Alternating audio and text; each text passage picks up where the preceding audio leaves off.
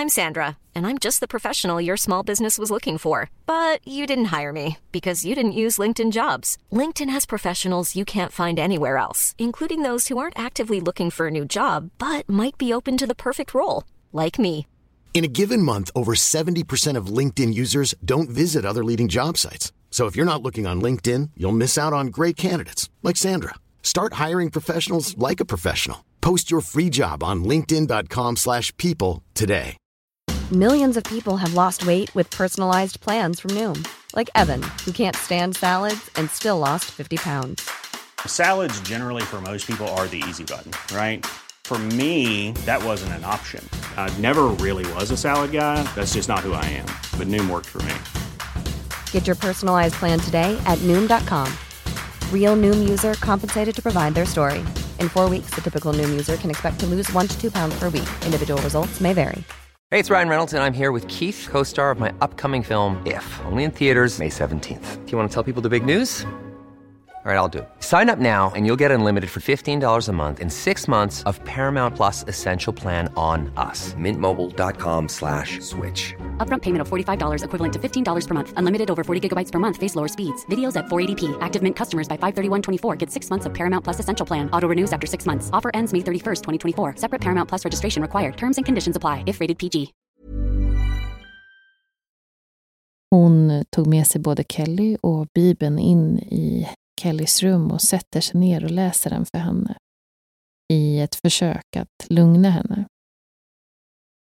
Men Kelly kastar sig om Carmen och häver ur sig att det kommer, det kommer, det kommer igen. Och Carmen försöker fösa ifrån henne, men Kelly, hon klamrar sig fast.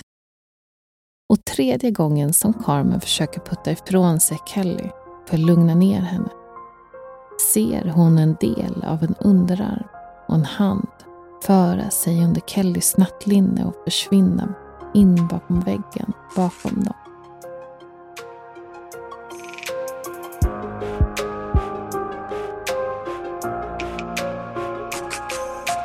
Ja, men eh, let the shitstorm begin då. Kan jag prata? Ha, ha, ha, ha, ha, ha. Okej, ja men då kör vi. Välkomna tillbaka till eh, Söndagsmysteriet. Avsnitt 19. 19. det är 20 nästa avsnitt. Kanske borde ha något så här jubileum eller något sånt. Oh, det borde vi ha. Men många har ju så här 100 avsnittsjubileum, men det dröjer lite till det. Ja, det, det är ju ett tag kvar. Men 20, det kanske ändå är värt något litet extra. Men det är också lite typiskt oss att säga att vi ska göra något så här och så gör vi ändå ingenting. Speciellt för vi hinner typ inte. Nej, exakt. Så kommer midsommar och fullt upp. Vi kanske skulle dricka bubbel eller någonting när vi spelar in. Det skulle vi kunna göra. Och spela in det tillsammans. Alltså live, eh, du och ja. jag. ja, men varför inte? Det... Ja, fast ni, ni får lyssna sen. Men... För oss bara. ja, men kul. Ja, men då, det ska vi satsa på. Det låter som en bra plan, tycker jag. Mm. Ja, men det låter fantastiskt. Det är spikat. 20-årsjubileum. Eller 20... 20 års. 20 avsnitt. 20 avsnittsjubileum. Undrar om det finns liksom poddar om 20 år. Då kanske det är liksom så här revir, att vi liksom, man trycker på en knapp så dyker vi upp liksom på, framför dem. Eller hur? Och sitter i samma rum där man sitter och lyssnar. Ja, liksom. just det. Ah. det. Eller kanske i sådana hemsökta hus. Och bara, ah, ja, det är kanske gud. det som eh, vi eh, kan börja Oh, besöka. gud, vilken ångest. Hus och så får de hänga med där när vi sitter och pratar. Mm. Sjukt häftigt, men eh, ganska mycket ångest ändå. Oh, jag tycker Mm. sånt där, det är så jävla mycket ångest alltså med Mm. VR och artificiell intelligens och eh, ja, men det här hur vi, eh, vi lever typ i en simulation nu och Mm. nej, det, Nej, men alla sådana existensfrågor blir ju Oh, Ja, jag vet. Jag, det är nästan bara jobbigt. Ja, jag tycker det är verkligen jobbigt. Jag kan typ inte ens lyssna på sådana poddar som pratar om eh, sånt där för att jag mår så dåligt. Min lilla hjärna klarar inte av det. Ufon och spöken, där går gränsen. Ja, det är tillräckligt jobbigt när man börjar snacka och leva i olika dimensioner. Ja. Ja, men det är ju typ samma sak. Alltså. Det är bara... Nej, men sen eh, vill vi också eh, tacka alla för alla fina kommentarer som vi har fått, eh, eller all fin feedback som vi har fått efter vårt förra avsnitt som vi spelade in eh, med spökhistorier. Jag tror inte ni liksom förstår hur uppskattat det är när vi får fina kommentarer av er och Mm. ni skriver feedback eller ger oss en bra recension. Jag känner ibland så här, bara, "Åh, vad är det, varför gör vi det här? Eller alltså, vad håller vi på med? Varför? Mm. Nej men faktiskt. Ja, men lite så. här, bara, "Åh, Mm. vilka är vi som gör det här? Varför? Men, eh, och så får man eh, helt plötsligt en kommentar, någon som skriver något fint till oss, att de gillar vår podd och då bara, jaha, Mm. det finns någon som tycker det här är lite kul. Ja, men vi fortsätter lite till. Sen är det ju också väldigt spännande när ni skriver att ni har eh, varit med Ja, men många som hade liknande historier. Ja, det var, Det ju var ju superspännande. som skrev att eh, hon också hade haft det här, eh, alltså upplevelsen med de här spindlarna, att man såg spindlar då i, som typ trillar ner och hur man då liksom Mm. slänger och river upp alla lakan och tror att det är liksom spindlar i sängen. Så det var så himla kul att höra det, att eh, gud, att det är verkligen fler. Att, undrar hur vanligt det är att Mm. man har det här och att man kanske liksom inte pratar om det bara för Nej, det att låter ju så jävla löjligt. Man bara, Ja. jaha. Ja, men lite så. Jag tror att det är jättemånga. Så att, eh, Mm. ja, jättekul att ni skriver. Det, det betyder supermycket. Jag tänker så här, du vet, eh, det är ju typ så här lite allmänkänt när man har någon så här sömnparalys, att man ser en eh, man med en hatt. Och fy. Undrar om det är samma grej det här, Mhm. Fast att man kan se spindlar. Nej, jag vet inte. Usch, jag hatar allting man ser när man sover. M- Men, Eller ska sova. Mm. men dagens avsnitt då, då ska vi prata om The Hunting i Connecticut, eller eh, familjen Snedeker. Eh, Och det här har ju också blivit en film. Eh, Alltså det tillhör ju The Warren Files, tänker jag det här. Men att eh, det ingår inte i den här Conjuring-serien, som jag förstår det som. Nej, det är ju ett separat fall, det vi ska prata om idag. Ja. Vilket handlar om en familj som till följd av ena sonens sjukdom behöver flytta in i ett hus som ligger närmare det här sjukhuset då, där han behandlas för sin sjukdom. Och det är väldigt snart efter den här inflytten som den här familjen då, och framförallt barnen, börjar uppleva saker som med tiden bara eskalerar. Allt ifrån iskalla vindar, mänskliga skuggor, skrapljud och andra hemska upplevelser från husets alla hörn.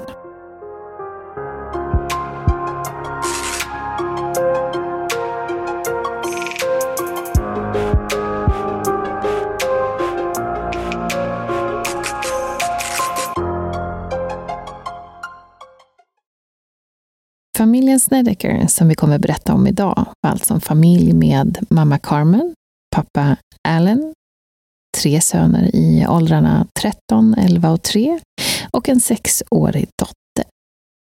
Den här familjen levde ett helt vanligt liv tills en dag då deras son Philip hade utvecklat en slags knöl på sin hals. Han var då 13 år och föräldrarna Allen, som vi kan kalla för Al, och Carmen tog honom till doktorn.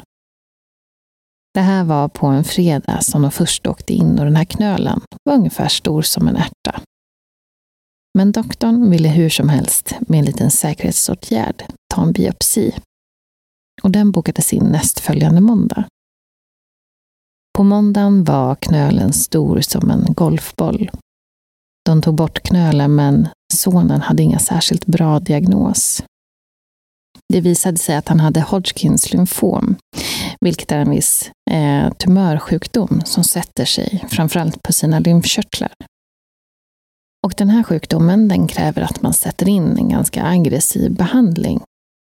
Och just då så levde den här familjen i New York och behövde åka fram och tillbaka till det här sjukhuset som låg väldigt längre bort i Connecticut.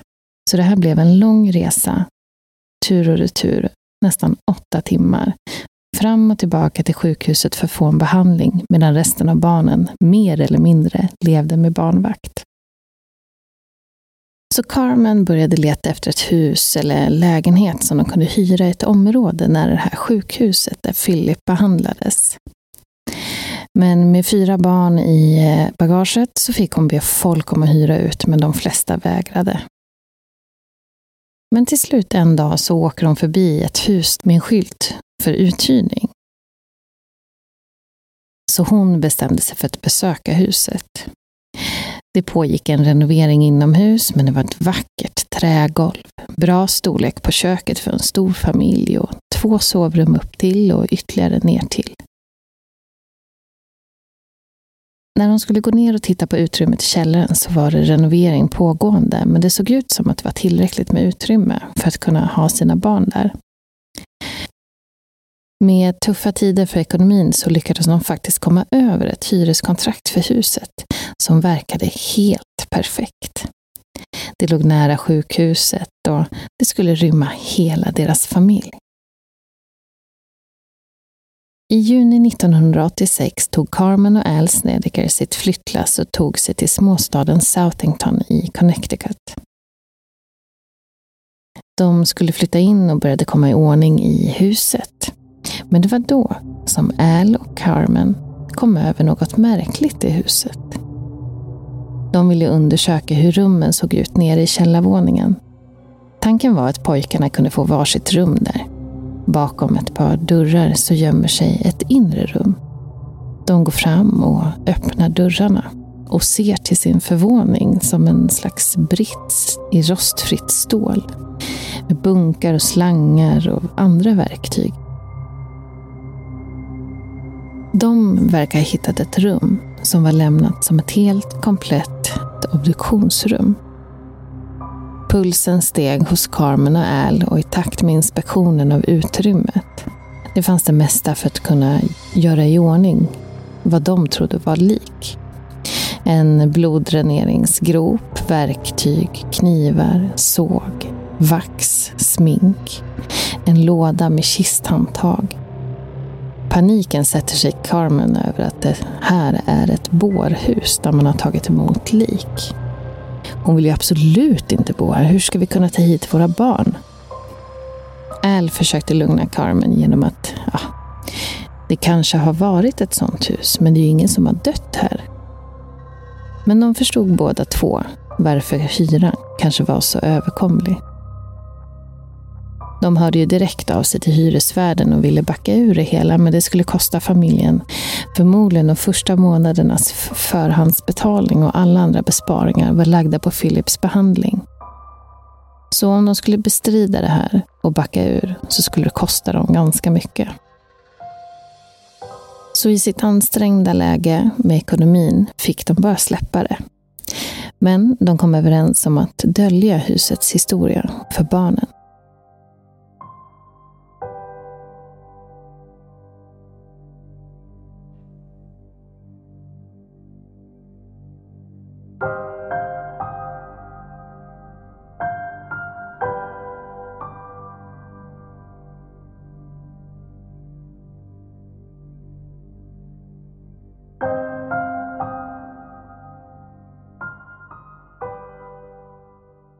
Så det här kom ju att visa sig vara Hallahans Funeral Home. Det vill säga ett slags mindre variant av ett bårhus. Ett hus där man tar emot lik och kroppar för att göra i ordning dem. Det här huset byggdes år 1916, men blev inte ett begravningshem förrän 1936. Det var i mitten på 1980-talet som begravningsbyrån skulle flytta vidare och man funderade på att bygga om huset till ett kontor för fastighetsbyrå eller mäklare. Men de här planerna stoppades och det blev till uthyrning istället. Det här var ett stort, vackert, vitt hus i en kolonialstil. Ett klassiskt gammalt trähus med fönsterluckor och en vacker entré med pelare vid trappan. När du kom in genom entrén och gick ner för trapporna kom man till ett stort öppet rum som hade som en lång bänk som sträckte sig längs väggarna i hela rummet. Det var det sydliga kistrummet och där började pojkarna att sova tillsammans. Norra kistrummet, som hade rör som stack ut från väggarna lite här och var, det var där man hade kistorna uppställda som man kunde komma in och köpa. Sen fanns det ett annat större rum som var mer arbetsrummet, där man tog hand om kropparna.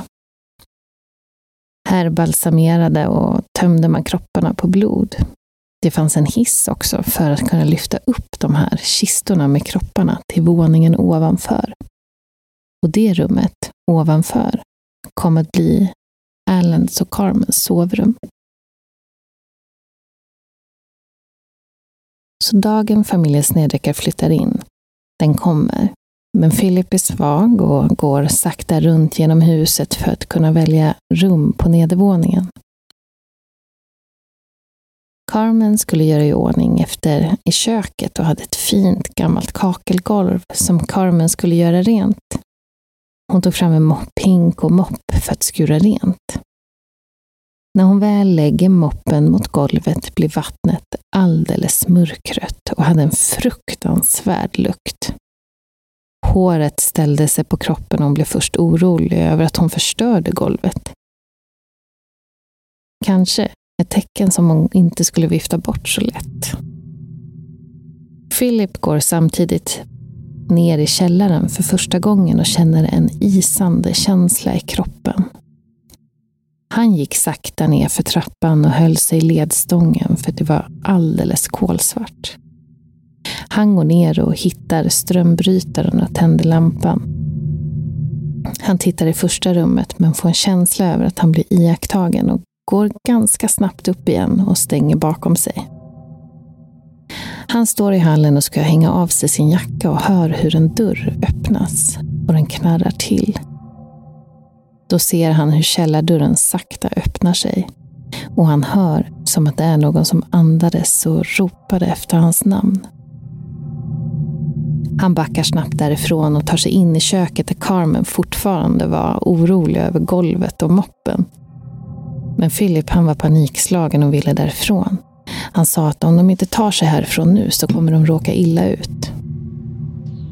Men Carmen, hon höll ju fast vid att det här var hans sjukdom som pratade. Och att det här var för allas bästa att flytta till det här huset.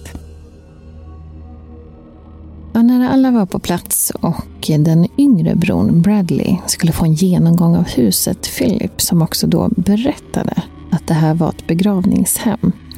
Alltså helt tvärt vad mamma Carmen och pappa Al hade sagt. De gick vid tillfälle ner i källaren till det rum som tidigare var rummet där man gjorde i ordning liken. Philip övertalade bron om att lägga sig på en av de rostfria vagnarna som stod där nere. Och han började snurra runt den. Snabbare och snabbare och snabbare. Bradley började tappa kontrollen och blev bara mer och mer skrämd av hur intensiv hans bror blev när han stod och snurrade den där båren.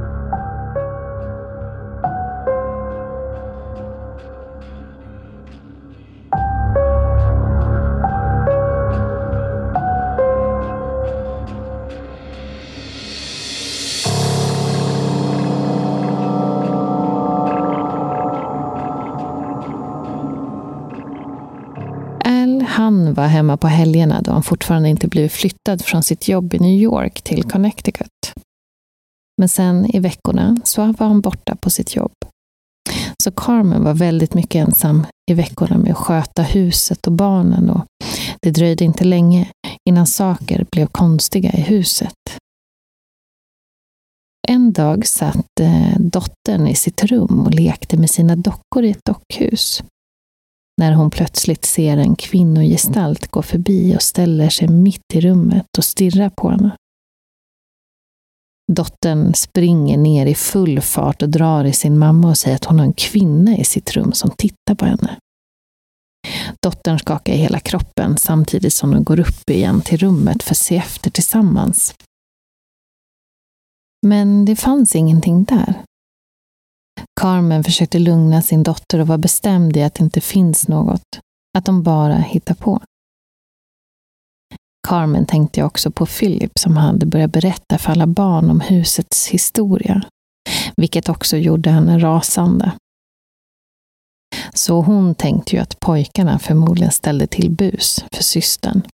Men Philip, han lovade att han hade inte berättat något för henne.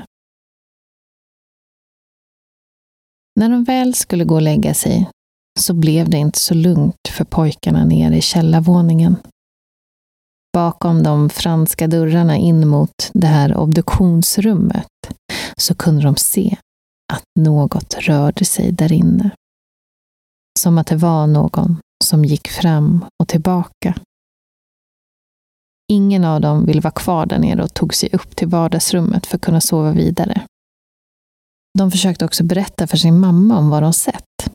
Men hon skojade mest bort det som att det är någon som hänger sig kvar, får de passa sig, för då ska hon ta ut hyra. Carmen hon började istället förbereda en frukost och bar ut tallrikar från köksskåpet och ställde på bordet för att duka i ordning.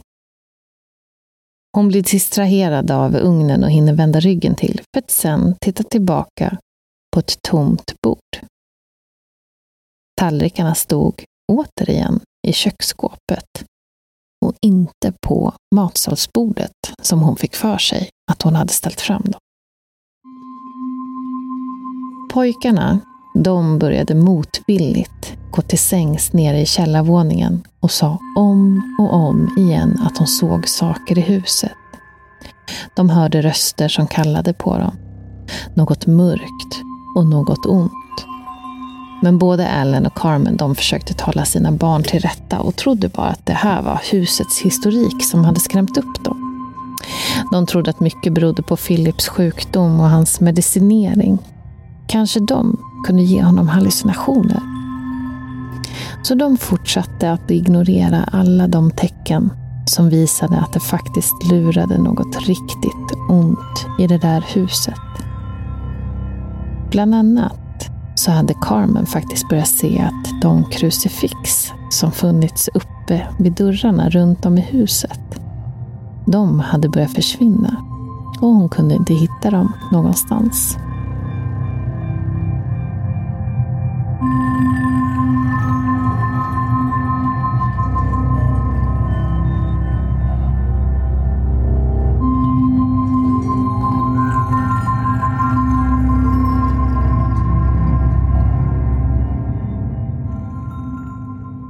Kväll när både Carmen och Al är hemma och alla har gått och lagt sig så ser pojkarna fyra män stå nere i källaren.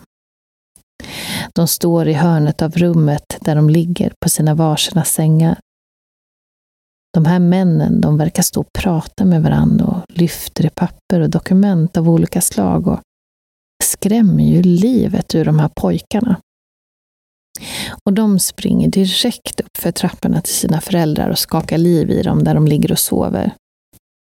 Al och Carmen väcks återigen, mitt i natten av sina söner som är hysteriska. Men Al och Carmen, de går ju genom hela källarvåningen. Alla dörrar och fönster. Allting är stängt och det är omöjligt någon som skulle kunna ta sig in i huset. Och nu börjar de bli riktigt dränerade.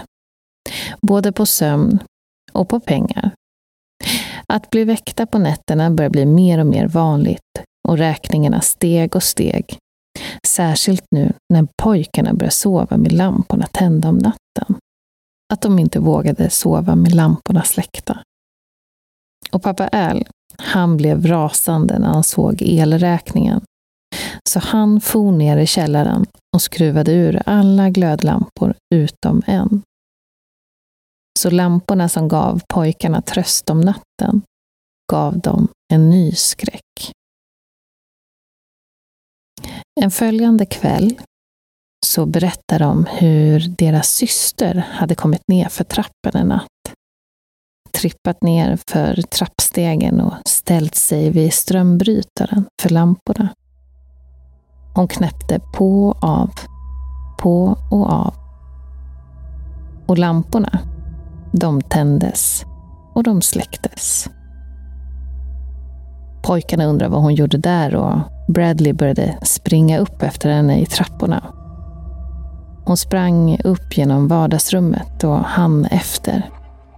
Tills han stötte på sina föräldrar som satt lugnt och fint i soffan. De undrar ju såklart vad han gjorde uppe, för han borde ju definitivt ligga och sova. Han hävdade ju att systern hade varit nere och busat med dem och han sprang efter henne. Men nej, Jenny, hon ligger och sover och har gjort det i flera timmar. Du kan gå och se efter själv, sa Carmen. Bradley trodde ju såklart inte på sina föräldrar men gick och tittade i systerns sovrum. Och ja, visst. Där låg hon och sov. Djupt. Pappa Al sa åt honom att sluta larva sig för han visste ju att han hade ju tagit bort glödlamporna ur taklamporna i källarvåningen ändå. Och Bradley, han gav upp och, och gick ner till sin säng. Och de här sakerna som pojkarna började uppleva, de stannade inte där. De började se en skugga som kunde springa runt och gömma sig i hörnet. De påstod att de kunde se en liten pojke i en pyjamas. En superhjältepyjamas. Han verkade ganska ledsen och skrämd men ville leka. Så de små barnen de ville leka tillsammans med den här pojken. Och fick den här pojken då några leksaker att leka med. Så när leksaken kom tillbaka till syskonen så saknade den ofta någonting. Plötsligt så börjar Philip att bete sig annorlunda. Han börjar bli mer tillbakadragen och mer aggressiv. Han ville till och med sova i ett eget sovrum. Så de här bröderna som hade sovit tillsammans, de började dela upp sig nere i källarvåningen. Familjen märkte ju att han började klä sig annorlunda och han förde sig annorlunda och blev mer och mer intresserad av konstiga texter och mörka saker som handlade om lidande och död. Som han också skrev i en slags dagbok. Han började ta avstånd till alla. Och det kommer en dag när Carmens systerdotter Kelly kommer att flytta in till familjen Snedeker. Hennes föräldrar håller på att separera och hon blir erbjuden att flytta in och bo hos dem. Så 17-åriga Kelly, hon kommer att flytta in i huset. Hon och Philip har varit väldigt nära eh, under en lång tid innan. Men hon märker direkt att det är något märkligt med Philip. Han börjar berätta hur han hade hört saker och sett saker i huset. Men att Carmen och Al inte trodde på honom. Han kände sig ensam och det blev bara värre och värre. Han hade hört något skrapa på dörren och han hade en man som stod vid hans säng varje natt. Den här mannen hade svarta ögon och pratade illa om hans familj och att han ska göra något ont mot dem. Den här onda saken sa åt honom att gå upp och göra något ont mot sina familjemedlemmar. Och Kelly blev ju väldigt orolig av Philips alla berättelser, så hon var ju tvungen att berätta för Carmen om vad de hade pratat om. Och det här förstod ju förstås Philip sen, för det var ju bara Kelly som han hade berättat om, de här sakerna. Han hade sagt att det skulle ske saker med honom om han inte gjorde som han blev tillsagd. Och både Bradley och Kelly började bli rädda för Philip, för hans temperament hade förändrats. Så de började försöka ha lite avstånd till honom. Men en kväll när Kelly ligger i sin säng är det något som kommer och börjar dra i hennes överkast och ger sig på henne. Det var Philip som stod och slet och försökte våldföra sig på Kelly. Al och Carmen de springer in i rummet och blir alldeles förtvivlade över vad de ser. Det här slutar med att han blir arresterad och blir bortförd av polisen till ett sjukhus för att bli utredd. Al och Carmen de följer efter ambulansen till sjukhuset och resten av barnen stannar hemma. Det slutar med att Philip varnade sina föräldrar för att saker skulle bli värre hemma i huset nu när han var borta. Den här händelsen skärrade hela familjen och att Philip blev tvångsomhändertagen samtidigt som han varnar om att det finns något ont i huset.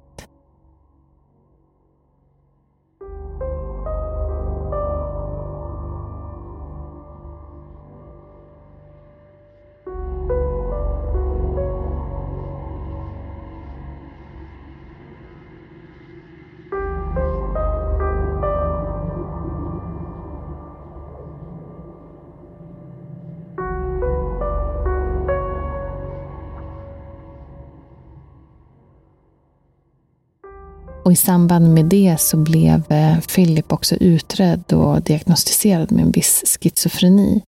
Carmen hade också tidigare ifrågasatt hans doktor om hans mediciner skulle kunna ge vissa hallucinationer.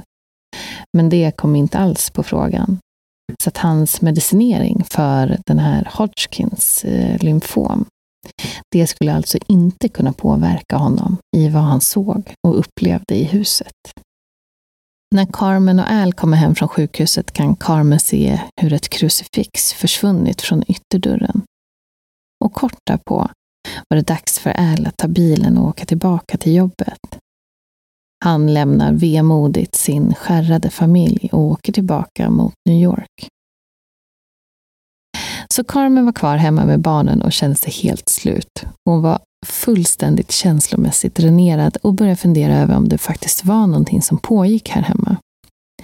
Tänk om det faktiskt är något här? Tänk om det är på riktigt? För hon vill ändå längst inne tro på att hennes son inte börjar bli galen på riktigt. Hon går trevandes ner för källartrappen och sätter sig på ett trappsteg. Bestämmer sig för att få se vad som finns där nere. När hon sitter där och väntar på den här mannen för att få se honom blir det kallt och hon känner en energi som hon inte kan förklara. En slags rädsla som fyller hela hennes kropp. Det är som att hon utmanar den här ondskan som Philip sagt fanns där. Att visa sig. Men hon såg aldrig något och reste sig upp för att gå upp igen. Men händelserna kommer nu mycket riktigt att börja eskalera när Philip har lämnat huset. En dag när systerdottern Kelly kommer hem och ska lägga sig och sova så blir hon angripen i sängen.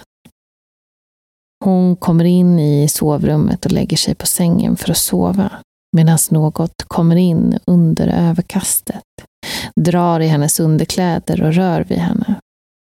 Hon springer snabbt ut ur rummet och in till Carmen. Men Carmen, hon trodde ju inte på Kelly. Hon eh, tog med sig både Kelly och Bibeln in i Kellys rum och sätter sig ner och läser den för henne. I ett försök att lugna henne. Men Kelly kastar sig om Carmen och häver ur sig att det kommer, det kommer, det kommer igen. Och Carmen försöker fösa ifrån henne men Kelly, hon klamrar sig fast. Och tredje gången som Carmen försöker putta ifrån sig Kelly för att lugna ner henne ser hon en del av en underarm och en hand föra sig under Kellys nattlinne och försvinna in bakom väggen bakom dem. För allt i sitt liv tar hon Kelly och springer ut från rummet och in i en annan del av huset och del av de här eskalerande aktiviteterna som hände så hade Al och Carmen också börjat uppleva att de kunde vakna upp till musik på nätterna.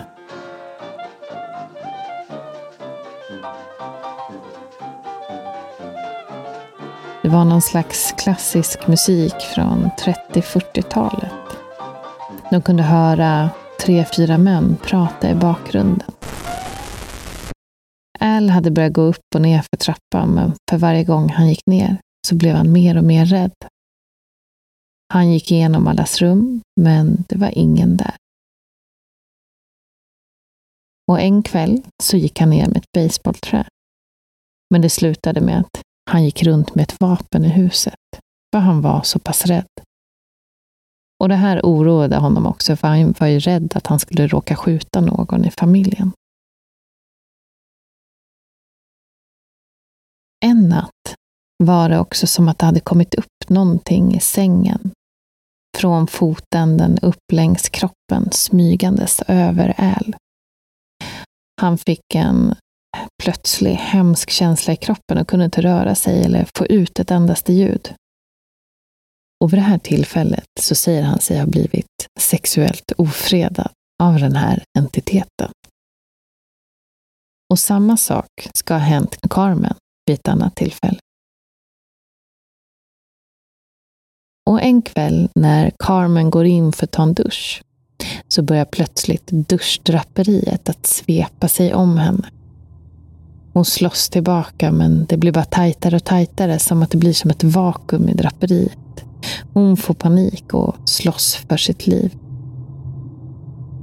Till slut så slår hon sig fri och kommer ur det med hjälp av Kelly.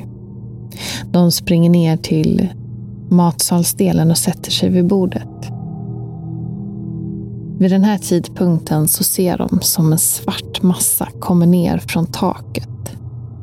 Och Kellys halsband som hon har runt halsen med ett kors börjar liksom sväva i luften som att någon står och drar i det. Och helt plötsligt så dras det loss från hennes hals och går sönder över hela golvet. Vid samma tidpunkt så har Al också tagit sig tillbaka till sitt jobb. Han har parkerat bilen utanför och gått in för att börja jobba. Helt plötsligt hör han hur motorn på bilen startar och som att någon laddar på gasen om och om igen tills den släpper på bromsen och gasar rätt in i hans kontor. Al ringer hem för att varsko sin familj och de är lika skärrade över alla händelser som pågått i huset. De var nu överens om att de behövde skaffa hjälp och bestämmer sig för att ringa sin präst innan det börjar gå för långt.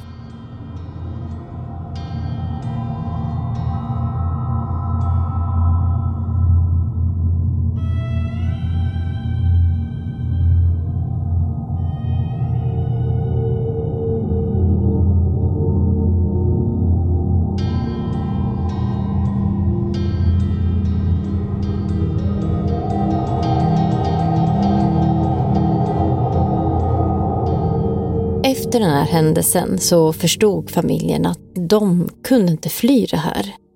För det spelar ingen roll vart de tog vägen. För det här, vad det än nu var för någonting, så hade det uppenbarligen förmågan att följa efter dem. Så Carmen bestämmer sig hur som sagt att kontakta den lokala prästen och försöka få hjälp ifrån kyrkan.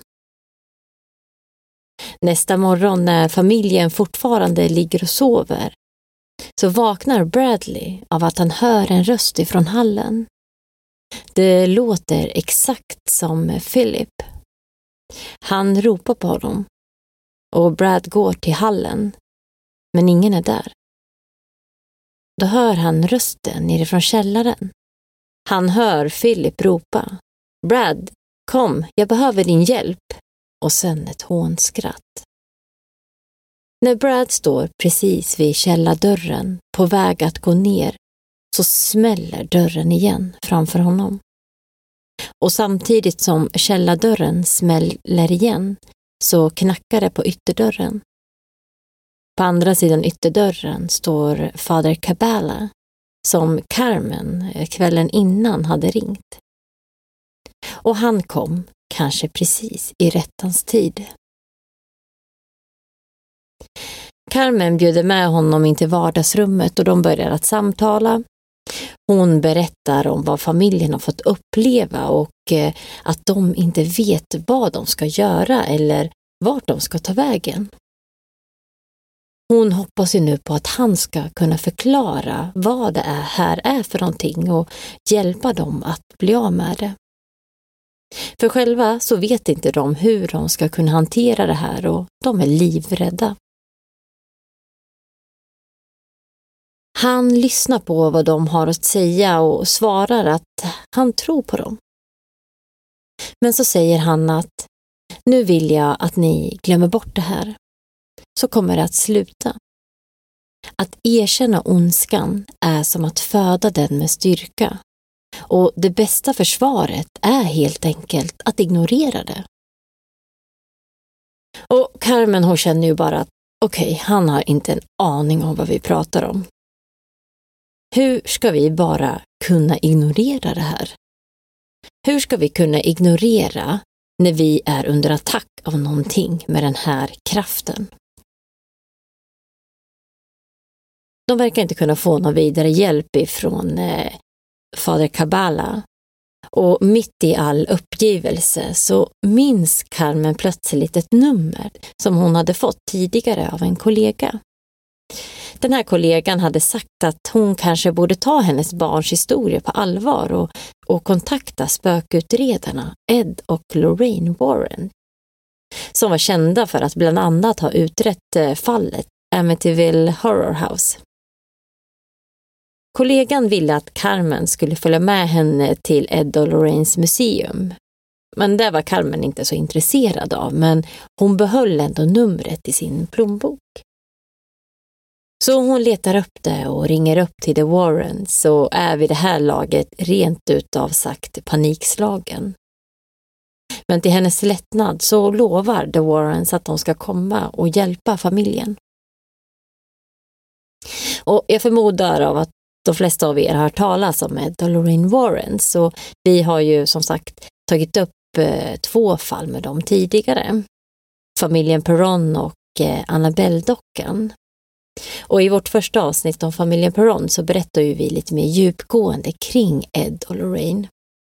Men för att sammanfatta lite kort så var ju Ed och Lorraine kanske världens mest kända spökjägare. Båda har ju nu gått bort, men under tiden som de levde så utredde de tiotusentals fall av övernaturliga fenomen. Ed eh, var en självutbildad demonolog och Lorraine var ett medium och en klärvoajant.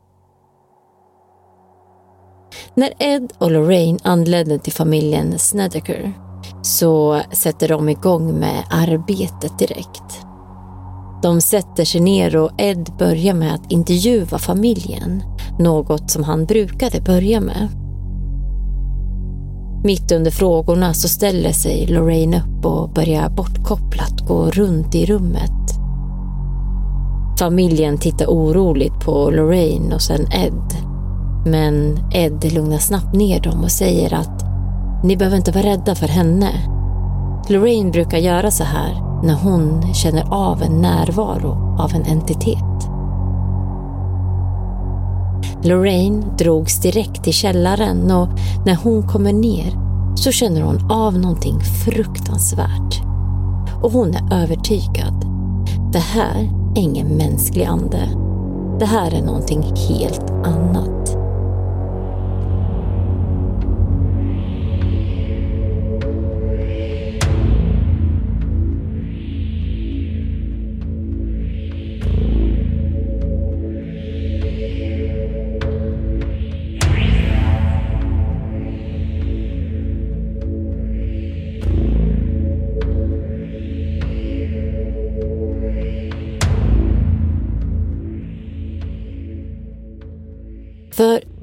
Till och med Lorraine, som har utrett det paranormala i så många år, blev helt tagen av den starka, infekterade närvaron som hon kände i huset.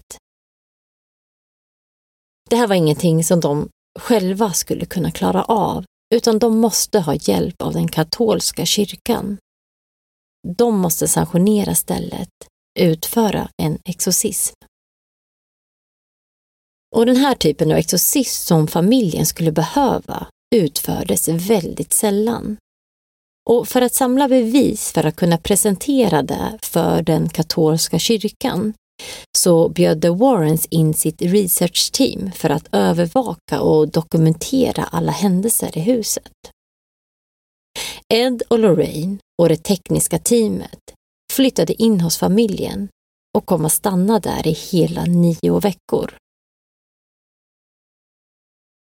För att förhindra att den här entiteten skulle kunna isolera och skada en individ så rekommenderade Ed och Lorraine att ingen skulle vara ensam.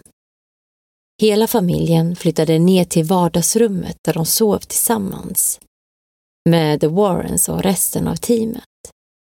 Man fick inte ens gå på toaletten ensam, för det var alldeles för stor risk att bli angripen.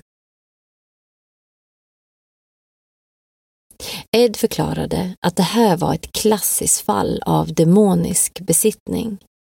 Det utspelar sig i fem steg. Det första steget är intrång och det är när en demon väljer ut en individ och försöker hitta ett sätt att få den här individen att bjuda in en till ens liv. Det andra steget är angrepp. Det är då demonen ser till att isolera individen. Det tredje steget är förtryck. Och vid det här steget så märker man att individen agerar våldsamt mot människor i hans eller hennes närhet. Det fjärde steget är besittning och det är då individen tappar helt kontrollen över sig själv. Det femte steget är döden. Det här var exakt det beteendet man kunde känna igen hos Philip. Carmen insåg att de måste se till att de inte hinner komma till det femte steget. Hon frågar sig varför den här just hade valt ut Philip. Hon får förklarat för sig att när en demonisk entitet besitter ett hem så väljer den ut den mest sårbara individen, vilket vid det här tillfället var Philip på grund av sitt hälsotillstånd. Men grejen är den att nu när Philip inte längre är kvar i huset så letar den här demonen efter den näst mest sårbara personen. Ett lätt byte skulle vara Carmen, som kände en så stor ångest och skuld över det som har hänt Philip och att hon inte hade trott på honom. Familjen hade en kväll varit ute i trädgården och när de kommer in för att eh, gå och lägga sig så sätter sig Carmen på sängen. Hon berättar att hon då försvinner bort och allt omkring henne blir bara mörker. Hon berättar att den här entiteten öppnar upp som ett hål ovanför henne. Hon läser upp böner och den blir bara mer och mer aggressiv och skriker att du kan omöjligt tro på det du har fått lära dig som liten. Hon berättar hur hon hamnade på en plats som kallades Etrium. Hon fick gå längs en väg och det var en sån mörk och sorgsen plats. Och på sidorna av vägen så var det fyllt med sorgsna själar och hon översvämmades av deras känslor. Det var alla slags negativa känslor som en människa kan känna. Som hat, ilska, sorg, svartsjuka, desperation, hopplöshet. Som att hon fick ta del av de här själarnas känslor. Hon kände en oerhörd medkänsla men hade blivit tillsagd att hon inte fick lämna vägen. Ed och Lorraine tillsammans med de andra i teamet gör allt för att få tillbaka Carmen. Med böner och kors och heligt vatten så lyckas de till slut befria Carmen ifrån den här onda entiteten. Och när Carmen kommer tillbaka så får hon höra att hon har varit borta i åtta timmar.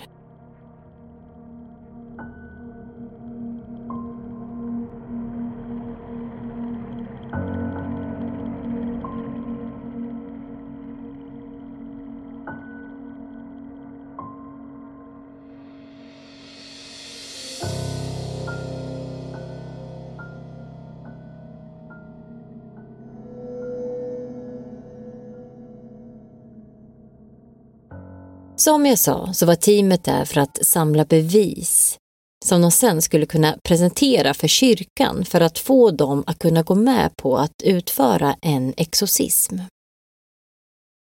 De alla sov tillsammans på sängar och madrasser i vardagsrummet. Och Lorraine berättar hur hon en natt hör hur kedjorna i källan dras upp och ner. De här kedjorna som användes för att lyfta upp kistorna i likrummet. Helt plötsligt säger Carmen att hennes säng skakar. Sen kunde man se hur madrassen åkte upp och ner som att den andades. Som att den hade puls.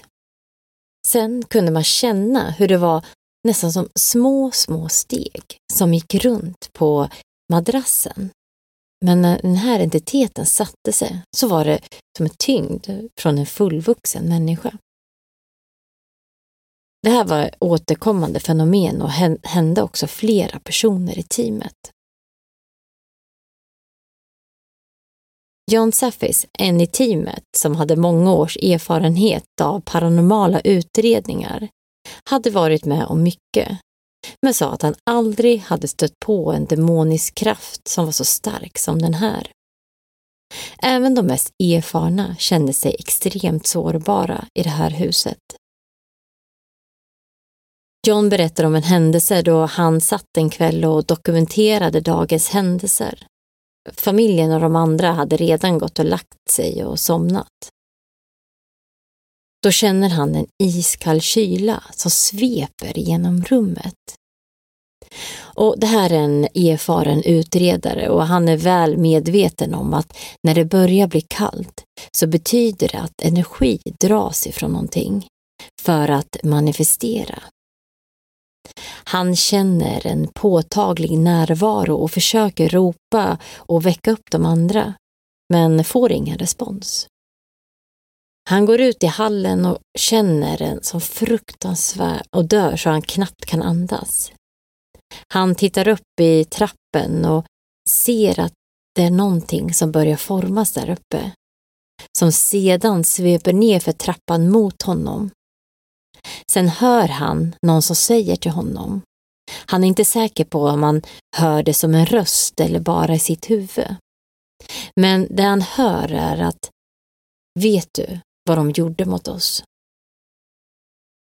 Det här ledde honom till att tro att det var någonting som hände i det här begravningshemmet som inte var korrekt. Att de här kropparna kan ha förgripits på.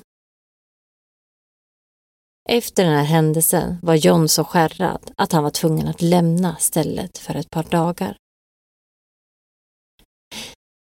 Det är inte lätt att få den katolska kyrkan att gå med på att utföra en exorcism av den här typen. Och för att få den romersk-katolska kyrkan in tidigare så föreslog The Warrens att familjen skulle gå ut offentligt med deras berättelse eftersom att kyrkan hatade publicitet. Carmen säger att hon inte gillade den här idén med att gå ut offentligt men att samtidigt så var de så fruktansvärt trötta på så mycket personer i huset och ville bara att det här skulle ta slut.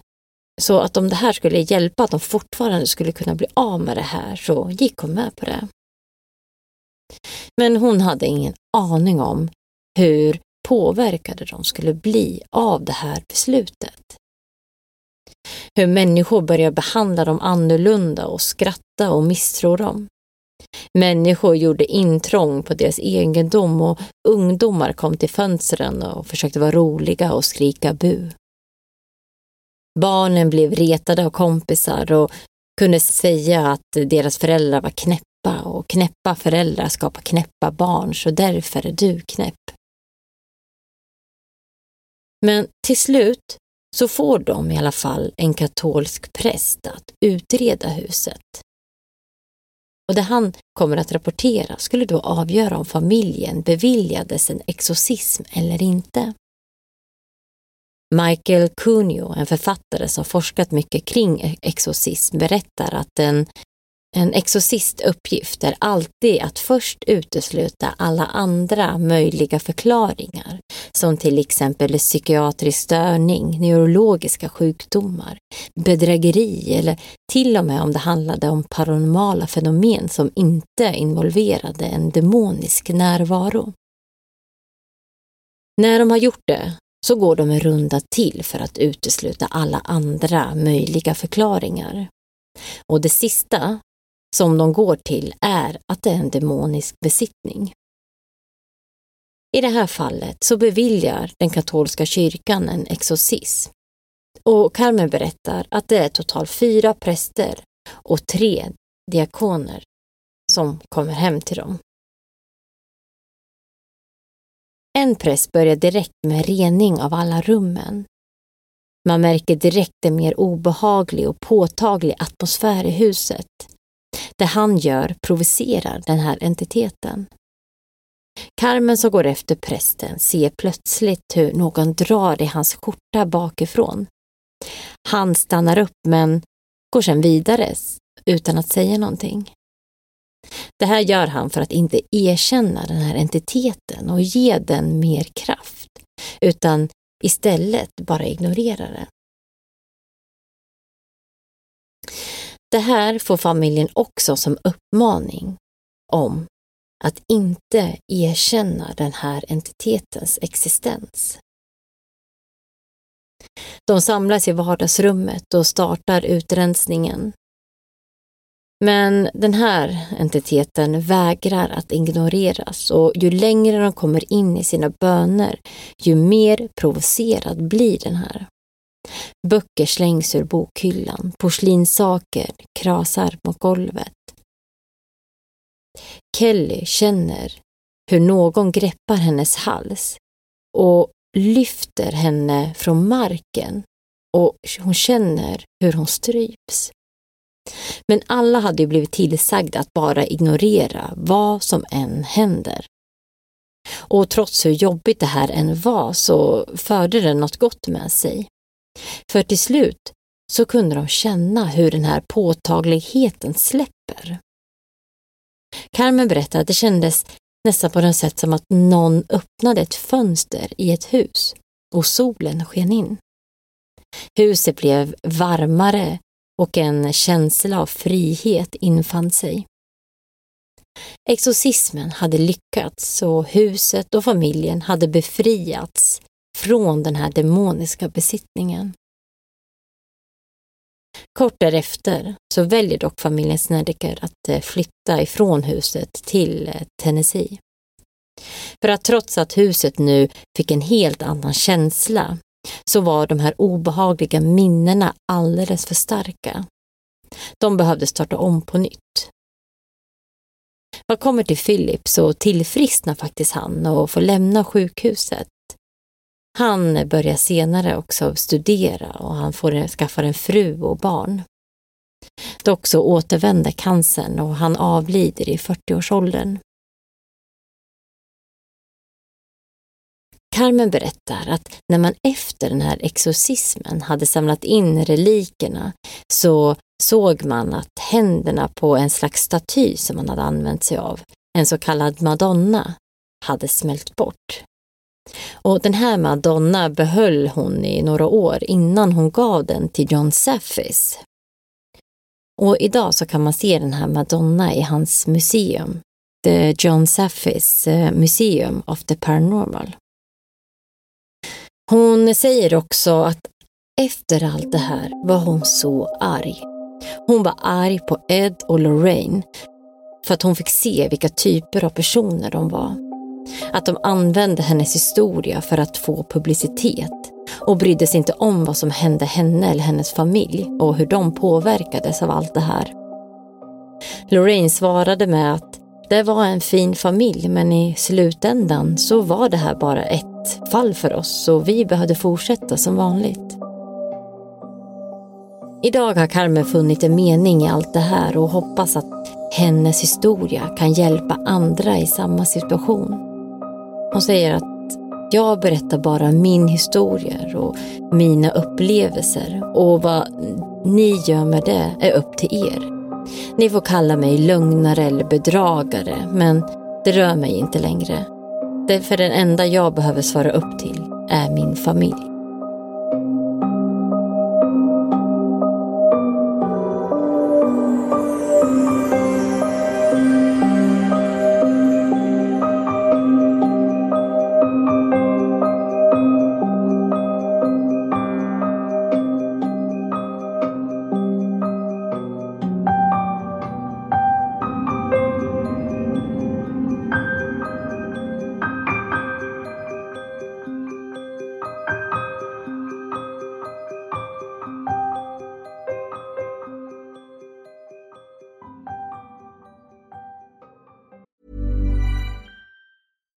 If you're looking for plump lips that last, you need to know about Juvederm lip fillers. With Juvederm Volbella XC and Juvederm Ultra XC, your lip look, whether it's subtle or bold, can last up to one full year with optimal treatment and no additional maintenance. Find a licensed specialist and see if it's right for you at juvederm.com today. That's J U V E D E R M.com. Add fullness to lips in adults over 21 with Juvederm Volbella XC or Juvederm Ultra XC. Do not use if you have severe allergies or a history of severe allergic reactions, or if you're allergic to lidocaine or the proteins used in Juvederm. Tell your doctor if you have a history of scarring or taking medicines that decrease the body's immune response or that can prolong bleeding. Common side effects include injection site redness, swelling, pain, tenderness, firmness, lumps, bumps, bruising, discoloration, or itching. As with all fillers, there's a rare risk of unintentional injection into a blood vessel, which can cause vision abnormalities, blindness, stroke, temporary scabs, or scarring. For full important safety information, visit juvederm.com. Hey, it's Ryan Reynolds, and I'm here with Keith, co star of my upcoming film, If, only in theaters, May 17th. Do you want to tell people the big news? All right, I'll do it. Sign up now and you'll get unlimited for $15 a month in six months of Paramount Plus Essential Plan on us. Mintmobile.com slash switch. Upfront payment of $45 equivalent to $15 per month. Unlimited over 40 gigabytes per month. Face lower speeds. Videos at 480p. Active Mint customers by 531.24 get six months of Paramount Plus Essential Plan. Auto renews after six months. Offer ends May 31st, 2024. Separate Paramount Plus registration required. Terms and conditions apply if rated PG. Oj, oj, oj, gud, man blir... Uh, uff. Jag blir typ andfådd efter sånt här, för jag håller typ andan. så många gånger. Men det är så obehagligt allting. Nej usch, och det, det är samma sak igen. Alltså, jag har så fruktansvärt svårt att sova. Som alltid. Vad vi offrar. Alltså tänk dig att leva i ett sånt här hus. Och jag tänker framförallt på de här barnen. Ja, Du vet som om och om och om igen Mm. Försöker förklara för sina föräldrar vad de ser och vad de är med om. och sen är det ing- Men de bara, nej, inte tro på dem. man får inget gehör. Nej. Och det måste vara så fruktansvärt också för den äldsta, liksom Philip, att han redan har fått den här liksom, cancerdiagnosen. Eh, Mm. mm, tror att man kanske inte har långt kvar och sen så upplever man allt det här och så är det ingen som tror på en och så får man liksom skit för att man liksom påverkar sina syskon och försöker lura på dem saker. Och, Ja, men exakt. Nej, usch. Stackars barn. ja, men, och liksom, det är ju inte bara eh, några lätta saker, att en dörr smälls igen eller att eh, man ser en skugga, utan det är verkligen eh, skitläskiga grejer. Särskilt sånt här, du vet, jag tyckte att vi var inne på det också förut någon gång. Det här just med demoner. Mm. Och när det är eh, så här onda, icke-mänskliga saker som tar form som något annat Mm. och låter som något annat. Mm. Alltså att de kan ta, eh, ja, men som den där, fan, som den där kvällen när systern kom ner i källaren och liksom började knäppa på av lamporna. Ja, jag tänkte på det. Så låg hon och sov. Just för att det i våran, eh, i förra avsnitt, när vi pratade lite spökhistoria, liksom, att Mm. ja, men det här är liksom kanske något demoniskt eller verkligen något starkare som kan göra, eh, ta form som något annat eller härma någon annan. Liksom, att Mm. vanliga eh, spöken, eller vad säger eller eh, som human ghost. Ja, men de har väl inte liksom den alltså kraften på något Mm. sätt Nej, precis. att göra det. De har inte den möjligheten. Men det är där jag liksom inte... Så märker man sånt här, då bara better fucking watch out. Ja, jag vet. Men jag liksom förstår, jag har inte ändå riktigt fått grepp på det här för att det känns som på något sätt så man pratar om att eh, ja, men just att det här är ett funeral home, att de här eh, avlidna människorna eller döda kropparna, då, att man har gjort något hemskt med dem, att det är Mm. där liksom alla de här eh, sorgsna själarna kommer ifrån, att eh, det handlar om något nekro Ja? Nekro. Ja, nekrofili. Mm. Ehm, och att det är där liksom det här kommer ifrån och varför. För att Mm. innan så pratade de om att ja, men vi förstod inte riktigt varför ska det här hemmet vara hemsökt? Det var ändå ingen som hade dött här. Även Nej. fast det hade varit mycket döda kroppar så. Mm. Eh, men att ja, då kom de fram till att det kan vara det här. Men det har väl ingenting med demoner att göra? Eller fanns det både det här och eh, någon demonisk aktivitet? Nej, men är bra fråga. Precis, skulle de själarna då förstår inte, göra uppror genom en demonisk kraft? Eller är det kanske den som har utfört sådana handlingar tidigare som har blivit som en sådan demonisk Men kraft? jag tänker så här, är inte demon något helt annat? Alltså som inte ens är mänskligt. Det är så att bara kan bli en Jo, demon. det är ju omänskligt. Ja. Det är ju omänskligt. Man har liksom, för att det är så mycket så negativitet. Men det kanske har funnits där innan dess också. Det var det som fick de här människorna att begå nekrofili. Gör- liksom. Göra sådana brott. Ja. Mhm, kanske. Att det är liksom precis. Ja, men exakt. Nej, men för jag tänker att eh, som han Philip sa ju att han blev ju tillsagd att göra onda saker. Där. Och det Mm. kanske de också då innan blev på samma sätt av det. Så att den här demonen kanske har härjat här jättelänge. Och det var därför eh, den byrån också flyttade iväg. Just Jag vet inte. det. Vem vet? Ja, det var inte så dum tanke. Nej, för jag liksom fick liksom inte Mm. ihop det. Att, ja, varför? De är ju på något sätt inte sammankopplade. För de pratade ju också om, vi hörde någon typ intervju, eh, om det var Carmen som eh, berättade liksom att ja, men det var ju något här, vad heter de, inkubus och succubus. Alltså just för att de hade fått uppleva det här, liksom att de hade blivit våldtagna, Mm, rent ut sagt, av de här. Och, och de demonerna är Som ju så typ sådana demoner då som gör sånt. Härligt. Mm. Men det ska ju tydligen ha bott någon där nu efter också som inte upplevt någonting då. Mm. Men eh, jag menar, det behöver inte betyda att det inte har, inte har hänt någonting innan, utan det kanske betyder att den här exorcismen faktiskt blev lyckad. Då. Ja, men, ex, ja, men exakt. Jo, för att jag tänkte faktiskt komma till det lite att Ja. den här familjen, de... Oj, ska jag, jag ska Vad händer nu då? Så, nu då. Ehm, jo, men att den här familjen, de var ju med i någon slags eh, talkshow, eller jag vet inte vad. Du, du såg väl också den? Eller vad? Ja, visst. Jag vet inte vad den hette nu ens.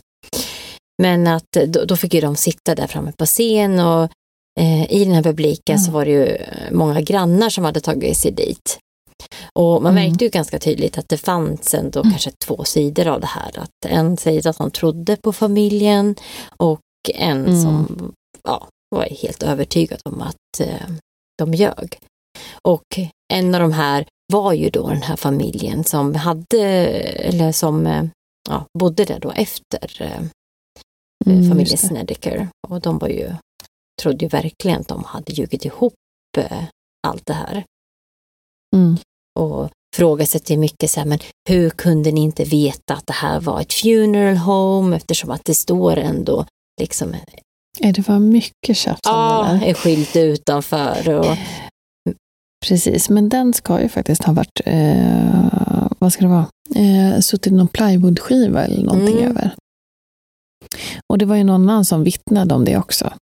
precis, det var ju en granne som faktiskt eh, ändå vittnade om att jo, det Ända var sedan liksom den här funeral home eh, flyttade därifrån så skulle det ha varit det.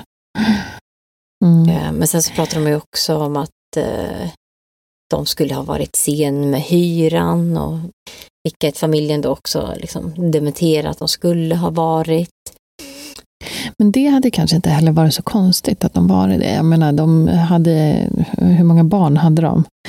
Typ eh, fem barn, nej fyra barn. Mm. Och så de här eh, systerdottern som bodde hos dem och Philips dyra eh, behandlingar på sjukhuset. Så att, Nej, absolut. Men det var ju liksom, men varför skulle man då skapa upp en sån här historia? eh, pengar, det är väl det de säger. Men sen vet jag inte hur mycket pengar kan man få och sånt här. Men eh, Mm. det är ju där de liksom hävdade med det här. Att ni var ju efter med det här, det var för att ni inte hade några pengar. och då Mm, hittar ni på pengar. den här historien. Men eh, ja, man kan ju också känna det att med så mycket som den här familjen är med om, liksom med som säger, fyra barn och han Philip då som Mm. är mm, eh, cancersjuk och eh, behöver hantera allt det, liksom den sorgen och Mm. allt. Och ska man eh, göra det här på sidan, alltså, ja, då eh, gör man det, då måste det ju vara något fel med en om man gör det. Och jag tycker Ja, hon ändå verkligen. känns väldigt vettig när hon pratar. Alltså man tror ju på henne, men ja. Ja, jag, verkligen. Jag fick exakt samma känsla. Men det kanske hon också har Ja, någon att- schizofreni då. Hon kanske är bra på Ja, det. som Mm. han, han hade ju det. Så. Jo, men han utreddes ju liksom för schizofreni. Men jag menar, det är väl... De trodde väl inte på att han såg, Aha. Demoner. Nej, just det. Nej, ja, tänker det jag. Så vara. det, han kanske inte hade schizofreni, utan Nej, det är väldigt det sant. var ju... Nej, för han har ju inte haft något sånt innan, då, utan det var ju efter det här. Då. Nej. Mm. Ja, för de, eh, men tydligen så bodde det ju också en, eh, var det som en lägenhet ovanför det här huset där en kvinna hyrde. Och hon, Ja, var det så? För jag tycker det där har varit Ja. olika i olika nej men källor. det var det. Och, eh, eh, för jag såg ändå en intervju med henne sen. Eh, den här personen Mm. då, i något gammalt nyhetsklipp. Men Mm. den här familjen då som hade flyttat in efter Snedekers sa ju det, men hon eh, säger ju att hon har inte alls haft några upplevelser och, och tyckte typ att det var jobbigt med den här uppståndelsen etc.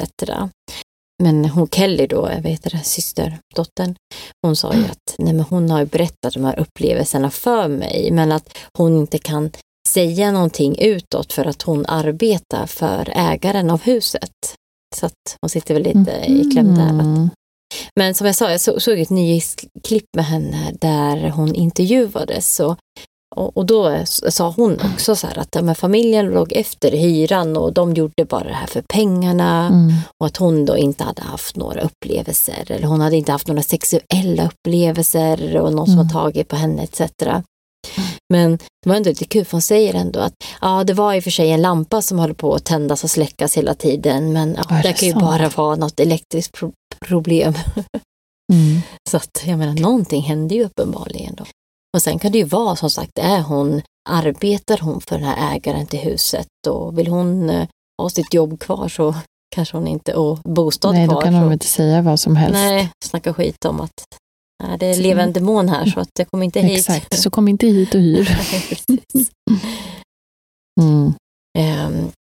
Ja, men så var det ju också en eh, granne som hade hört, som berättade då, nu satt jag i publiken, och hon då kom ju upp med en stor anteckningsbok som hon hade Ja, men hon då. var ju fruktansvärd. Ja, men hon var ju hemsk alltså. Det är skönt att vi är samma liksom. vi tycker samma sak alltså, och den säger liksom, vare sig man tror eller inte på familjen, hon kändes ju bara jobbig. Nej, men Och vem, menar, gör så? ex- ja, Skaffa ett liv. vad hon. Förlåt. Mm. Ja. ja, men hon hade ju då, så berättade att hon hade hört massa ljud runt tre på morgonen, eller jag vet inte. Och då började hon anteckna ner vad som hände på natten. Mm. Eh, och vad som skedde i grannskapet. Här. Man bara, vad är det för jävla creepy granne? Verkligen. Och sen så då kunde hon då när eh, familjen då gick ut i tidningarna med deras upplevelser så kunde hon då kolla tillbaka i sina anteckningar och förklara Mm. alla de här grejerna som de upplevde. Då, som att det var någon tung lastbil som Ja, hade gjort att husen skakade etc. Mm. Och, ja, Man bara, jo, men var ju- förmodligen så skakar ju allas sängar av en tung lastbil som kör förbi på gatan. Nej, men lite Mm. så. Bara, det, det hände lite andra saker än bara... Nej, Nej, men så de- skum granne. Men det var ju många, ah.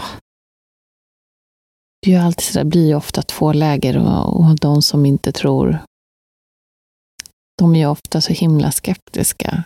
Och Ja, för Ja. att det är ju... Eh, ja, men många frågade sig också så här också. Men hur kunde ni stanna kvar i huset så länge? mm, Det var väl det två år tror jag. ja, Eh, ungefär ett och ett halvt, två år. Ja, och eh, liksom att, men hade jag haft barn som upplevde det här, jag hade stuckit på en gång. Mm.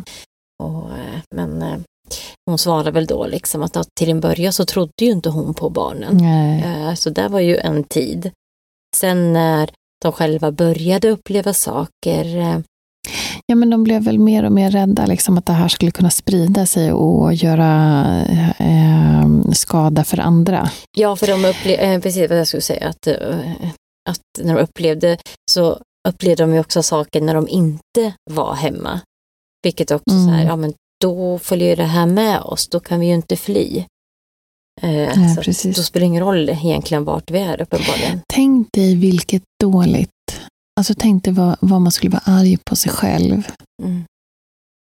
och känna sig fruktansvärd som förälder när man har gått och förnekat ens Ja. barns tankar så där Jag länge vet. och vad de har fått uppleva. Ja, som att inte han var Ah, fy fan. med om nog liksom. Mm. Ja, nej usch, det måste ju vara jättehemskt. Och, eh, ja, för det var ju också många som liksom sa, just i och med att han tog ju ganska tunga mediciner ehm, för den här Mm. cancerbehandlingen. Så liksom tänkte ju många, och sen så kom det väl upp också att han tog kanske lite olagliga droger också. Och menade ju på att det här då skulle ju påverka hans upplevelser, alltså Philips då. Mm. Mm. Ja, men exakt. Men sen pratar vi ju om en hel familj. Det är ju inte bara han som har upplevt Nej, saker. nej men exakt, det är ju Utan- så. Som den här dottern som hade sett någon i sitt rum när hon satt där och lekte. Jo, precis. Men sen, det är De också, kunde se några skuggor. det, det är alltid ord mot ord. Alltså, vi har egentligen, Mm. har egentligen ingen aning om, om, om deras dotter. Alltså, man har ju inte hört henne berätta det här heller. Liksom, Nej. så det är ju svårt, jag förstår det. Men att um, Nej, Lorraine sa ju också så här att ja, men anledningen också till, alltså om man tar droger, att man blir, eh, eh, att de här drogerna då också för, förhöjer känsligheten för sånt här. Mm. Man blir mer mottagliga. Ja men exakt. Så att eh, om man typ kommer upp i samma stadie som en clairvoyant i princip. Mm.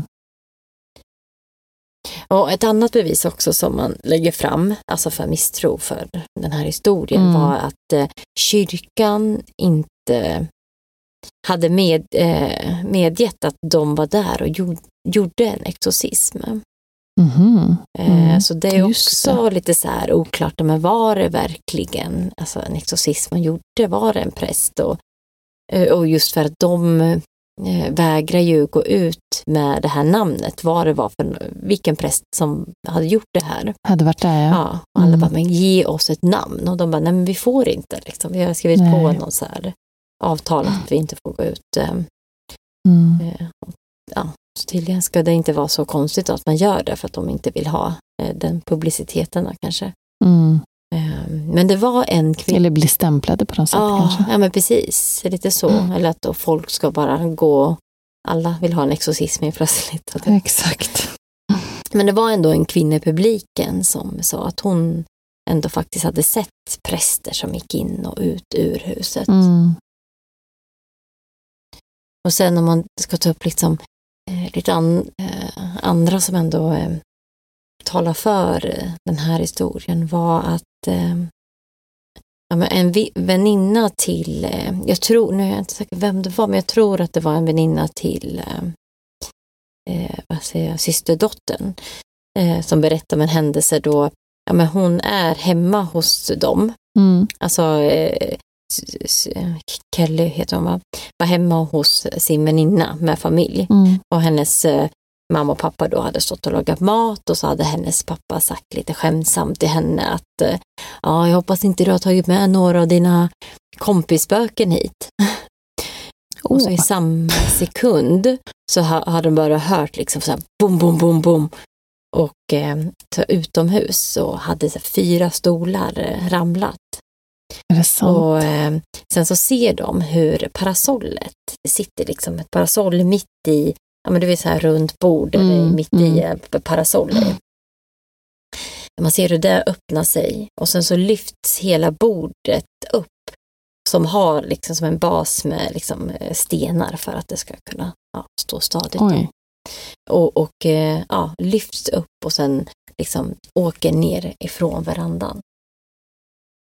Mm. Och hon sa ju liksom, men men vi hade ju typ, alltså vi Åh, typ började gud, skratta alltså. för att det var liksom nästan så overkligt. Så träffande. bara- Ja, verkligen. Ja, han erkände dem. Ja, ja, men det var verkligen det. Det är sant. Mm. Ja, nej, det där är ju riktigt obehagligt. Just också om det liksom om det faktiskt händer på riktigt och att det kan följa med ut och sprida sig sådär. Åh, Mm. vilken kraft det finns bakom det. Att man liksom, bara den här känslan av att man inte kan fly det. Vilken jävla kraft.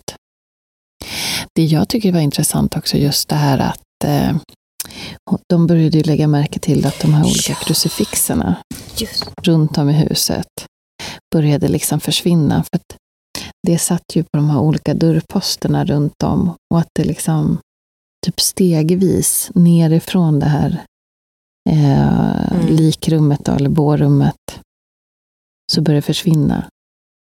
Och så ytterdörren och så uppe i, i, i Mm. huset och sådär. Att det spred sig liksom. Hur man då kan, eh, ja men hur den här bara liksom tar mer och mer mark på ett sätt. Men såg du den här dokumentären när hon, eh, när- för det är ju typ någon som sitter och intervjuar Carmen. Mm. Och sen helt plötsligt så Åh, bara, fy fan. Ett Så rasar det ner. ja, och det var väl så här crucifix som hon hade på sin dörr som bara rasar ner. Ja, Som jag det fattade det. som. Och de blir ju helt så här skärrade, de som intervjuar bara, okej vad händer? Hon bara, Ja. nej men det är bara att ignorera. Just det, för det var ju på, um, det är ju en intervju på YouTube igen när de sitter. Ja, jag vet. Exakt, och så bara smäller det till. Mitt från ingenstans. Ah, Fy fan. Men undra om, alltså jag tänker, för jag tror alltså i den här eh, eh, talkshowen så är det någon som frågar så här, ah, men har ni haft några upplevelser efter ni flyttade? Mm. Och då säger de ju nej. Mm. Men det kan man ju också så här, om de, undrar om de, eh, för det här känns ju mer som att det talar för att de faktiskt har haft lite upplevelser. I och med att hon bara så här, ah, nej nej, det, det är sånt som händer ibland. Ja, exakt. Men, Hon känner ändå av någonting till och från. Men just där och då så kanske hon inte heller ville, tänker jag, erkänna det. Alltså de hade, för det kanske skulle få dem att se ännu mer. eh, Men jag tänker den här intervjun också när krucifixet ramlar ner från väggen. Det känns som att den är gjord långt senare än den talkshowen. Gör det inte? Jo, men precis. Och jag tänker att nu, alltså när de gjorde den här eh, talkshowen, Mm. så jag menar, de var ju redan, eh, att folk inte trodde på dem. Och att då erkänna att det hände fortfarande saker kanske Mm. skulle låta att folk trodde ännu mindre på dem. Därför kanske de Mm. bara sa att de inte upplevde någonting. Men nu när det har gått så pass lång tid så kanske de bara skiter i det. Att bara, jo. Mm. Ja, kanske. För jag tänker, om man går tillbaka till den här familjen Perron, för då vet jag ju att hon, dottern, sa att liksom, har man väl öppnat den här kanalen och liksom Mm. eh, varit med om det här, då går liksom inte att bara gå Bara tillbaka. stänga, nej. nej. Nej, jag kan tänka mig att det ligger säkert någonting i det. Definitivt. Ja, väldigt obehagligt i alla fall. Men ja, det är ju... Det tror jag. Det enda det är ju det här med han Phil, vad säger vi för sig om alla? Vad tänker du? Nej men att i och med att han då har fått den här cancerdiagnosen, alltså jag menar, tänk dig vilket trauma för, liksom, för en själv, liksom, så, så ung. Det är inte Mm. konstigt att han skulle bli knäpp. Nej, absolut inte. Absolut och då inte. eh, kan det ju liksom, kan man förstå att ens hjärna spelar spratt och se grejer, att man blir... Mm. Ja. Ja visst, och hans yngre bror skulle ju kunna vara lätt liksom att påverka och, och Mm. få med på tåget, absolut. Men eh, jag vet inte, jag tycker det håller liksom till en viss del. För sen så är det ju, ja, du måste ju liksom prata ihop dig en hel jäkla familj om, om det här. Och sen så Mm. ser man i intervjuerna, tycker jag, när de pratar om det här, att fan, de har varit med om någonting. Mm. Jo, jag håller ändå Det, med. kan jag, Mm. det har jag svårt att bortse ifrån. Men eh, absolut, jävlar vad rädd jag blev nu. Fan. Hörde du? Oj då. Ja. Vem är det? Stella. Elsa. Nej, Stella. Eh, pratar vi om? Jo, nej men eller hur. Eh, och det som kanske då talar istället då som sagt för då, det är väl just att de alla, jag menar den här senaste intervjun vi såg med dem, när de ändå hade blivit äldre, Mm. då var ju både liksom fortfarande systerdottern och det var ju deras son, han eh, Bradley, Mm. som nu hade blivit liksom mycket äldre. Och det var ju någon annan bror där också. Måste vara den yngsta, då. Yngsta. Ja. Så att de fort, alla är fortfarande ändå med i den här, eh, liksom pratar om, berättar om det. Historien, ja. Mm. Ja, Men vad hände med Al? vad menar du? Pappan? Ja, och vad hände med honom? Pappa. Ja. Han kanske inte ville... Nu se, har han dött eller? Al Snedeker. Född 54. Men det här har ju varit ganska svårt. För jag blir så här, ja, heter han ens Al? Vi vet inte längre. Vi tror vi har hittat de rätta namnen. för att jag tror, eller som du sa eh, innan. Ja, de vill ju hålla sig anonyma. Exakt. Att de har velat hålla sig anonyma, vilket har gjort att eh, i mycket av de här dokumentärerna så använder de liksom andra namn. Så att det var typ senast i, liksom bara för någon timme innan vi skulle spela in som jag bara, nej, har jag fel namn på så? Alltså det bara slog mig nu. Tänk om pappan var, var han ond? Eller hur? Var han tagit vägen? Ja, eller hur? Det kanske var något sånt. Jag tyck, vet du vad, det var någonting jag tänkte på också. Det är så roligt det där att det var ju mycket så snack om att ja, men det är mamman som eh, hon hittar på och hon får sina barn och eh, göra Mm. dittan och dattan och eh, ja, vi vill tj- tjäna pengar och Ja, så att det är hon som egentligen ligger bakom allt det här. Vi säger, men ja, varför ska det alltid vara the mom som är alltid crazy? Ja, eller Ja. hur? Kanske Ja. var han som eh, nej det bara slog mig nu. Det är lite lurigt. Var är han någonstans? Ja, Sova gott. nej usch, det var nej, läskiga upplevelser som de var med om. Ah, nu ska vi sova gott. Mm, det ska vi verkligen. Undrar om det är när jag tänkte på någonting som vi sa innan, att det var ju också någon som hör, eh, hörde av sig till eh, oss från, eh, efter förra avsnittet, Mm. sa att kommenterade det här med att jag hade något konstigt ljud. Ja, i- just det. Åh. Men det var ju det som jag, jag reagerade på i avsnittet och säger till dig, det låter något så här. Just det, det kommer jag ihåg. Har ni hört att det låter konstigt så här en bit in i avsnittet? Ah, Fy fan. Och jag bara går in direkt in och lyssnar, höjer volymen. Och jag bara, vad fan. Det är ju någonting så så smått, smått, smått, smått tickar på något Mm, sätt. Alltså, det var från din mikrofon. För jag vet att jag hörde den när vi Ja. pratade. Ja, går säkert att förklara på något sätt. Men det roliga är att jag då sitter och pratar om att man kan känna sig iakttagen och inte ensam Mm. och så vidare. Ja, men nu har vi inte hört det. Vi har aldrig hört det innan och vi har inte hört det nu. Och du bara, jag vet att du sa, du bara, men jag gör ingenting. Jag bara, men jag hör att det är något ljud ifrån din... eh, Jag satt helt stilla. Nej. För man hör ju när du liksom, eh, eh, det här, så, Jag börjar jag rassla. som gjorde förut. Jag men gud, sluta hålla i mikrofonen. Sånt igen. Sen har vi ju i och för sig inte heller pratat så jäkla mycket om den här filmen. Och jag vet inte faktiskt om jag har sett den här. Den heter ju The Haunting in Connecticut. Mm. Eh, och ska ju vara också riktigt obehaglig. Väldigt löst baserad på händelserna Mm. enligt Lorraine. För jag tror de andra så har ju de lite mer varit med tror jag och liksom eh, Ed och Lorraine, men ja. den, ja, Mm. eller Lorraine i alla fall. Ja. Eh, Men de ska ha pratat en del med Carmen. Men kanske inte lika Mm, mycket med The så? Warrens. ja, det kanske var så då. På, på Ja, med det. Då får ju Carmen. hon pengar. Ja, det kanske är så ändå. Mm, kanske. Mm, Mm. vem vet. Vem vet. Ja, men eh, tack hörni att Mm. Ja. ni har lyssnat på oss återigen. Och eh, Mm. hoppas att eh, ni gillar det här avsnittet. Och, Men gud, det här är ju sista avsnittet ja, men gud, där är jag. För vår säsong. Det har Mm. inte vi sagt. Nej, Men eh, det sa vi förra avsnittet. just det. Ja, det är det. Ja, ja, men det blir bra. Så ska vi eh, ta och eh, träffas och planera upp för kanske en ny säsong. Det ska vi göra. Så ja, Får samla ni lite hålla kraft. ut tills dess. Så tipsa om avsnitt och idéer och vad ni vill höra mer av oss, om oss. Eller, av oss. Mm. Eh, Och in och följ. Lämna gärna betyg där ni kan. Så kommer vi höras snart igen. tack. Och hej. Tack.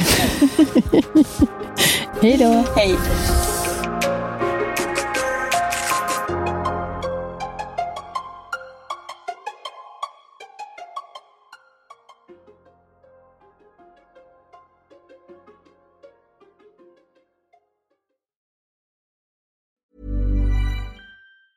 Planning for your next trip?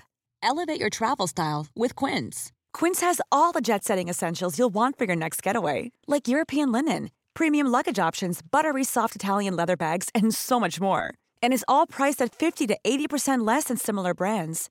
Plus, Quince only works with factories that use safe and ethical manufacturing practices. Pack your bags with high-quality essentials you'll be wearing for vacations to come with Quince. Go to quince.com slash pack for free shipping and 365-day returns.